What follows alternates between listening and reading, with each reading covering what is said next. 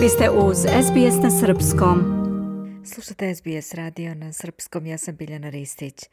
Ministar spodnjih poslova Srbije Nikola Selaković govorio je nakon sednice Saveta za nacionalnu bezbednost u petak. On je tom prilikom rekao da je predsjedniku Vučiću predao diplomatske note četiri države koje su povukle priznanje Kosova. Stefanović je rekao i da je jedna od tema bila protiv organizovanog kriminala, suprostavljanje kriminalnim grupama i hapšenje pripadnika organizovane kriminalne grupe koje se odigralo prethodne sedmice. Na sastanku je, kako je naveo Stefanović, bilo reči i o dodatnim ulaganjima u tužilaštva, Ministarstvo unutrašnjih poslova, Bezbednostno informativnu agenciju i druge nadležne organe kako bi svoj posao obavljali još efikasnije u cilju veće bezbednosti i sigurnosti građana. Sednica Saveta za nacionalnu bezbednost kojom je predsedavao predsjednik Srbije Aleksandar Vučić održana je u zgradi generalnog sekretarijata predsjednika Republike, a zakazana je nakon što je Kosovo u četvrtak predalo zvanični zahtev za članstvo u Savetu Evrope. Predsjednik Srbije je ocenio da je Priština zahtevom za prijem u članstvo Saveta Evrope srušila Vašingtonski sporazum. On je detaljnije objasnio i predlog zemalja Velike petorke, takozvane kvinte, Sjedinjene države, Velika Britanija, Francuska, Nemačka i Italija, kako bi trebalo da izgleda kompromisno rešenje između Beograda i Prištine. Prenosi Ministarstvo odbrane i Vojske Srbije. Srbija će nastaviti da insistira na očuvanju mira, pune stabilnosti i sigurnosti, ali pune sigurnosti za srpsko stanovništvo na Kosovu i Metohiji. Smatramo neprimerenim izjave u kojima se Beograd i Prištinama izjednačavaju i krivica prebacuje na obe strane. Srbija je uvek spremna da nastavi dijalog u Briselu, ali neće da prihvati rešenja nametnute jednostranim kriminalnim akcijama. To je važna odluka i želim da vas obavestim o čemu se radi. Naime, ja sam tokom jučerašnjeg dana, a i jutros u razgovoru sa predstavnicima najmoćnijih zemalja zapadnog sveta, dakle Kvinte, dobio predlog kako bi trebalo da izgleda, to je predlog Evropske unije, kako bi trebalo da izgleda tobožnje kompromisno rešenje i lično sam preuzeo teret na sebe i odbio sam to rešenje zato što to nije kompromisno rešenje, već je rešenje koje bi unižavalo Republiku Srbiju, a prevešću vam ga u najkraćem, to je rešenje kojim bi 70% onoga što su nameravali da rade Albanci na administrativnoj liniji, kako mi kažemo, ili kako oni kažu na graničnom prelazu, oni bi zaboravili na to, ali bi uveli 20 do 30% mera i to bi otprilike bilo kompromisno rešenje gde bismo mi kao više uspeli nego oni i ja ću vam reći vrlo prosto zašto sam to odbio, a potom dobio za to i saglasnost Saveta za nacionalnu bezbednost. Dakle, odbacio sam to zato što sam sit politike svršenog čina i zato što tako ne možete da razgovarate sa Srbijom. I naša odluka je bilo da im kažemo, izvolite, provodite šta god hoćete, kako god hoćete, ali to provodite na silu. A da dobijete pristanak i saglasnost Srbije, za to ne može. Jedino rešenje je povlačenje, i to je zahtev Saveta za nacionalnu bezbednost, povlačenje svih trupa sa severa Kosova i Metohije, povratak na pređašnje stanje, a onda da idemo u Brisel da razgovaramo o svemu. I ukoliko je moguće da se dogovaramo. Što se ovog pitanja tiče. Što se svega drugog tiče, mi smo uvek spremni za razgovor, ali ima još jedan uslov koji postavlja Savez za nacionalnu bezbednost. Mi tražimo hitan odgovor od Evropske unije postoji li briselski sporazum u pravnom prometu ili ne, kada će biti formirana zajednica srpskih opština i taj odgovor tražit ćemo u narednih mesec dana i vidjet ćemo konačno hoćemo li ga dobiti ili ne. I njihovo ćutanje i nedobijanje odgovora biće nam jasan znak da briselski sporazum više ne postoji i da oni ne žele da se formira zajednica srpskih opština. I to je nešto. Dodatne detalje koje je izneo ministar spoljnih poslova Srbije po pitanju zahteva Kosova za članstvo u Savetu Evrope donosi Hranislav Nikolić. Predsedniku Srbije Aleksandru Vučiću predate su note četiri države koje su povukle priznanja Kosova saopštio je u petak ministar spoljnih poslova Nikola Selaković posle sednice Saveta za nacionalnu bezbednost. Savet za nacionalnu bezbednost ovlastio je predsednika Vučića da kada bude smatrao za potrebno obavesti širu javnost o kojim državama je reč, rekao je ministar spoljnih poslova. Ovim gestom, kako je poručio Selaković, Srbija želi da da šansu državama članicama Saveta Evrope da u junu ne pokrenu postupak prijema Kosova u ovu organizaciju.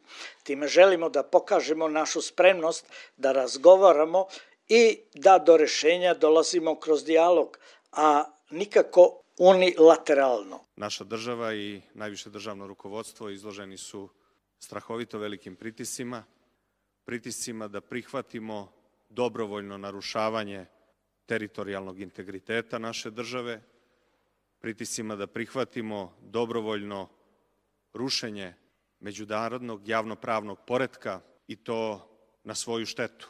S obzirom da su neki prethodnih dana govorili protivno onome što je rekao predsednik Vučić i dovodili u pitanje predsednikovu argumentaciju po pitanju važenja Vašingtonskog sporazuma, u obavezi sam da kažem i da reagujem i ukažem na činjenicu da je vlada Sjedinjenih američkih država kroz saopštenje State Departmenta koje je izdato povodom prve godišnjice postizanja Vašingtonskog sporazuma jasno kroz to saopštenje, dakle State Departmenta, jasno stavljeno do znanja da Sjedinjene američke države Vašingtonski sporazum smatraju i dalje važećim i da su tom prilikom kroz to saopštenje pozvali i Beograd i Prištinu da sam sporazum poštuju.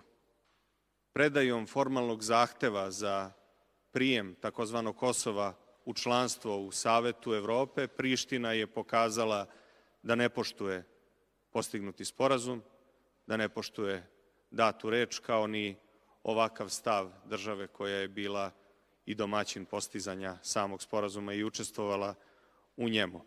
Na takav način Priština je jasno pokazala da nema nameru da do bilo kakvog rešenja dolazi putem dijaloga između Beograda i Prištine, već se po ko zna koji put odlučila na unilateralni pristup radom i aktivnošću naših službi bezbednosti. Došli smo do informacija da najmanje dve velike države u ovom trenutku rade na pružanju ozbiljne logističke podrške Prištini u njihovoj kampanji za dobijanje novih priznanja, ali i u zaustavljanju, odnosno onemogućavanju kampanje povlačenja priznanja. Pred nama su burni i važni dani.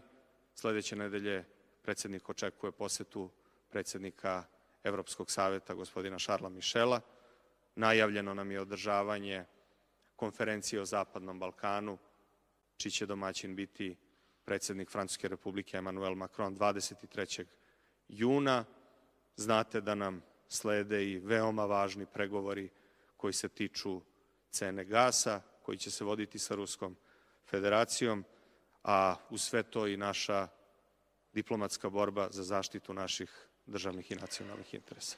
Sednicom Saveta za nacionalnu bezbednost koja je, kako smo već kazali, održana u petak, predsedavao je predsednik Srbije Aleksandar Vučić, a prisustvovali su i ministar odbrane Neboša Stefanović, ministar spoljnih poslova Nikola Selaković, ministarka rudarstva i energetike Zorana Mihajlović, predsednik Skupštine Srbije Ivica Dačić, kao i načelnik general štaba Vojske Srbije Milan Mojsilović i direktor BIA Bratislav Gašić.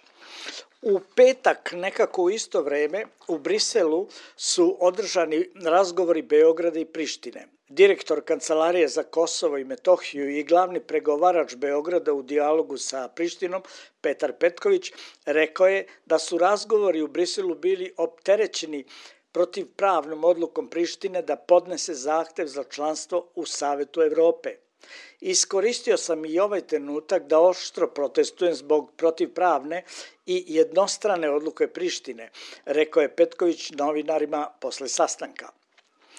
On je istakao da se ni ovoga puta nije direktno sastao sa prištinskim pregovoračem, Besinkom Beslimijem, jer je Beslimi odbio da razgovara o zajednici srpskih opština i o pitanju nestalih i istako da to pokazuje da je Beograd odgovorna strana koja vodi računa o miru i stabilnosti u regionu Zapadnog Balkana. On je naveo da su razgovori trajali više od 8 sati i da su bili teški. Petković je potom kazao. Razgovarali smo o brojnim i značajnim temama. Pre svega onim temama koje su važne za normalizaciju odnosa u kontekstu života Srba na Kosovu i Metohiji. Mi moramo ovde da razgovaramo u Briselu, jer ako mi ovde ne iznosimo probleme sa kojima se Srbi na Kosovu i Metohiji suočavaju, a suočavaju se sa brojnim napada, napadima, institucionalnim nasiljem i tako dalje, niko drugi neće izneti te, te probleme. Razgovarali smo i o problemu dostave e, lekova na prostor Kosova i Metohije, razgovarali smo i o zabrani kretanja, odnosno ulaska zvaničnika Beograda na prostor Kosova i Metohije, slobodi kretanja i mnogim drugim i važnim pitanjima. U određenim temama postoji prostor da se dogovorimo, ali kako da vam objasnim, da bi se dogovarali potrebna i druga strana koja mora da se saglasi a ona sve odbija. Evo i danas nije došlo do tog direktnog susreta gospodina Bislimija i mene, između ostalog i zbog toga što je gospodin Bislimi odbio da razgovara o zajednici srpskih opština i odbio da razgovara o pitanju nestalih, zato što smo mi insistirali na tom važnom pitanju. To je prosto pitanje koje ne može da čeka i koje je važno i koje moramo da rešavamo u direktnom e, razgovoru i prosto dogovoru. Tu smo da čuvamo mir i stabilnost, tu smo da se borimo ne pristajemo ni na kakve ucene, ali s druge strane kao odgovorna strana shvatamo značaj dijaloga. Specijalni predstavnik Evropske unije za dijalog Miroslav Lajček razgovarao je u petak u više navrata odvojeno sa delegacijama Beograda i Prištine. Iz Beograda za SBS radio Hranislav Nikolić. Želite da čujete još priča poput ove? Slušajte nas na Apple Podcast, Google Podcast, Spotify ili odakle god slušate podcast.